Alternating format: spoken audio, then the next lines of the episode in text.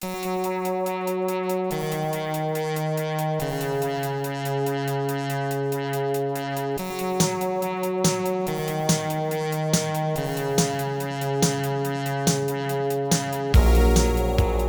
right.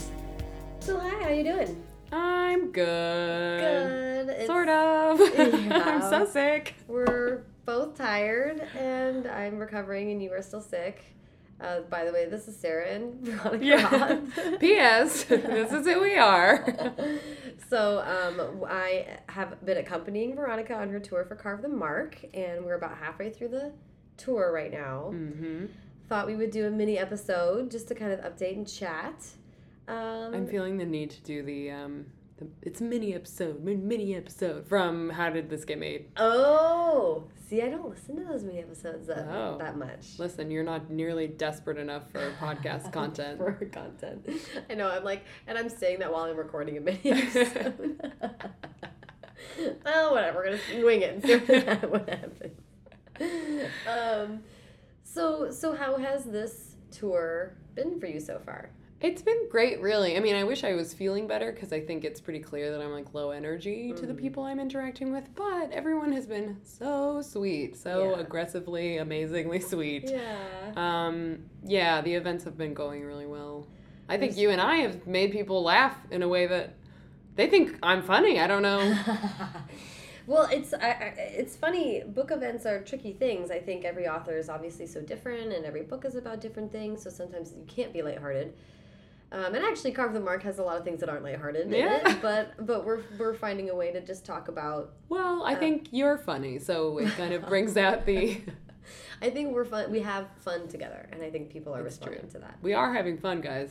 It is fun. hmm We might be tired. We got a little slap happy today. We did.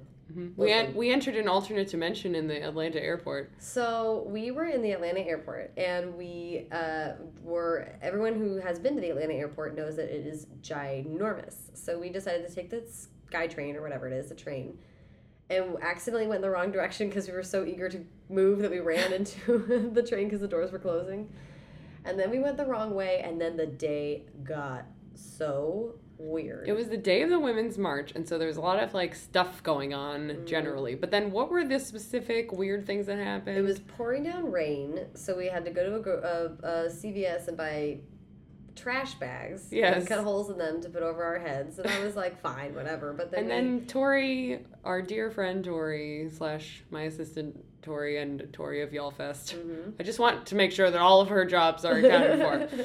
Um, made a cat face on her trash bag with pink tape. it was wonderful. Yeah, it took all of two minutes, which was pretty amazing. Yeah. That was pretty, like, real Yeah. crafty. hmm And then, but then we, like, then we were walking around in the march and you had a spill and Oh, yeah. shoulder. Yeah, that was weird. That was unfortunate. And then we were like that weird feeling of being at a march but standing still for so long. Seriously, people standing in a giant crowd, all of them being like, "When do we start marching?" We- is such a weird experience. So odd. Like, what's going on? Does anyone know what's going on?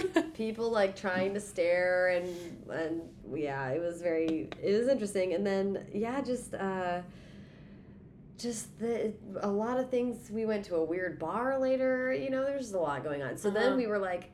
Hang on, what if there's something more to this? What if when we were on the train in the Atlanta airport, we actually entered another dimension?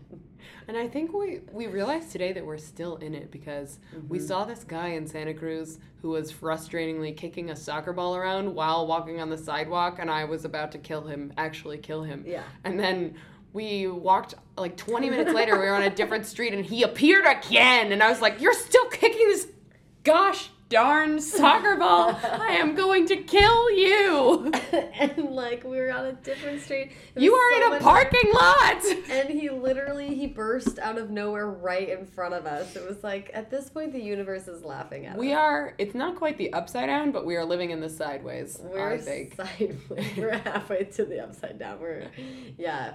So uh, and then you know in addition to that we're tired and slap happy and we've been traveling a whole Yeah, bunch. da, da, da, da, da, So it's, it's getting. I hope that it is an entertaining level of slap happy. I think. Yes. I think people have been indulging us.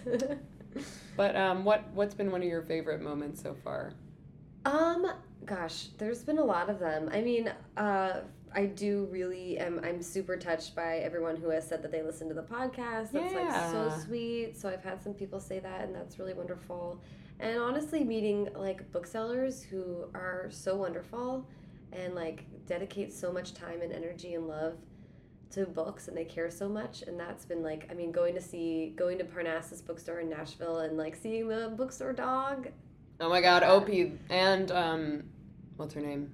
Mary Todd Lincoln. Mary Todd, if you got you, Mary Todd Lincoln uh, is on Instagram. Yeah, her Instagram name is Mary Todd Lincoln Coffman, C O F F M A N, and she's adorable. And she, they ha- that Instagram has pictures of Mary Todd Lincoln, this adorable little dachshund, snuggling just every author like Colson Whitehead, and Zadie Smith, yeah, Oh my God, and me. and me, and um, no, and you.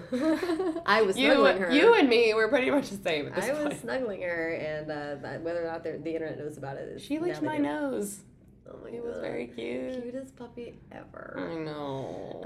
Um, so that was a really good moment. What about you?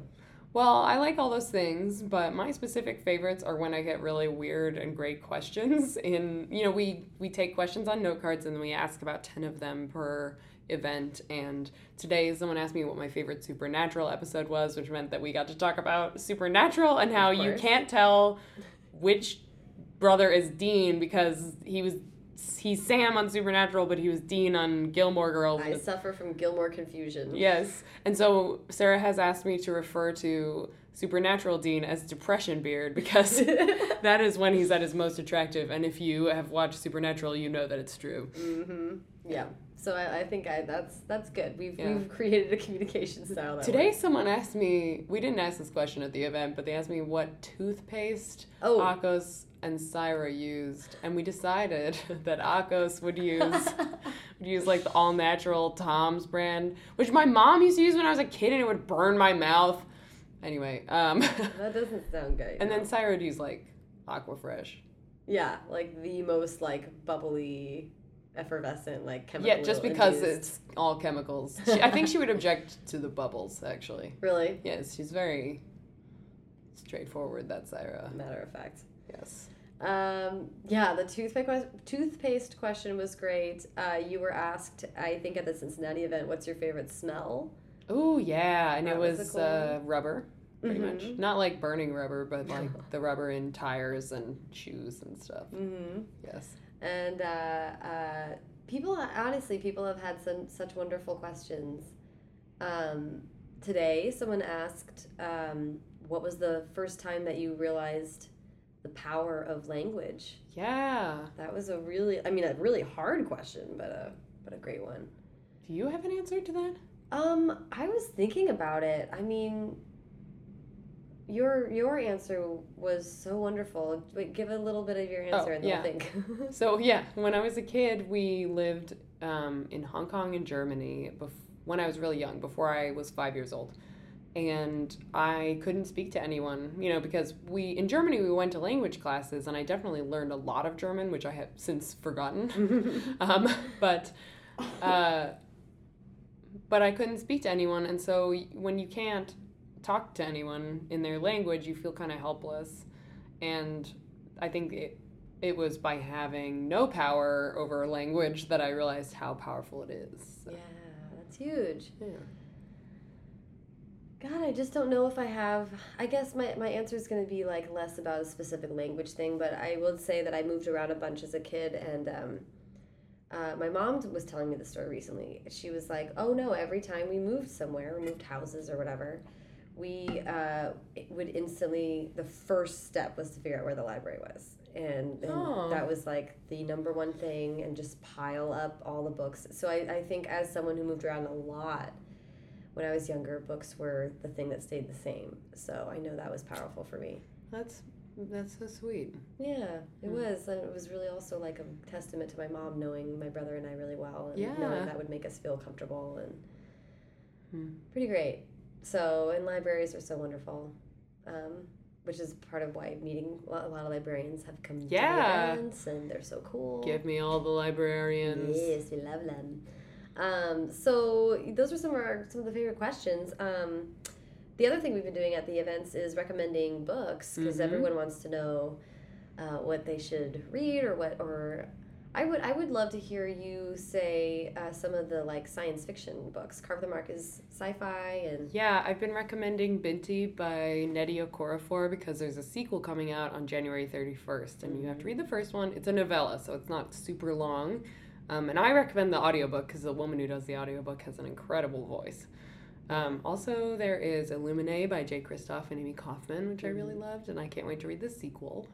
Um, the Summer Prince is a little dystopian. It's by Alaya Dawn Johnson, but it's really beautiful and it's about like the power of art in an interesting way. Re-. Like revolution via art as opposed to like Girl Warrior, which is our typical dystopian thing. I love that. Um, We I was talking about The Empress of a Thousand Skies, yeah. uh, which is by Rhoda Belleza, um, who's actually going to be featured on a future episode.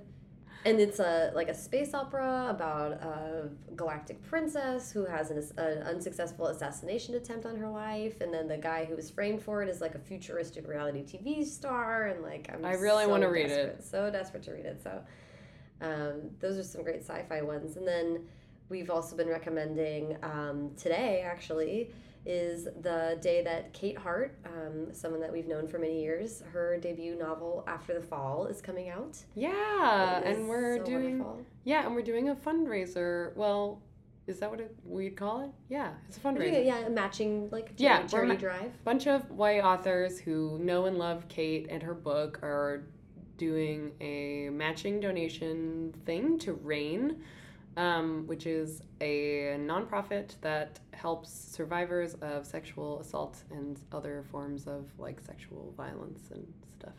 Um, and so we're matching up to four thousand dollars in donations today to celebrate Kate's release because it's something that Kate doesn't really like um, to have all the focus, and I think it honors her to focus on something bigger than her on the day of her release. So- Yeah, and it's also um, appropriate because Kate's book deals with the questions of consent and assault and being a young woman in the South and being a young woman who is looking a young woman who is a is a feminist and dealing with um, Yeah. people around her who who might not Who are be- not? might not be aware of feminist issues or you know, Yeah. interested in thinking in that way. Um, and it's just a beautiful, beautiful book. So I know we've both been really excited for that to come out. It is also literally a beautiful book. Like the cover Oh, is a gorgeous gosh. like sunset with a silhouette of like a cliff up against it, and it's so pretty. So so pretty, yeah, they really stunning. Um, and then uh, yeah, Do you Yeah. want to talk about? Well, you've also been talking about Kendare Blake's sequel. Yeah, I love Three Dark Crowns by Kendare Blake, and I think the sequel, sequel comes out later this year. But um, I can't wait. Like, Yeah. I can't wait. Yeah, and our friend Laurie Devore has a book coming out, How to Break a Boy. Yeah, that's next week, and everyone should read it.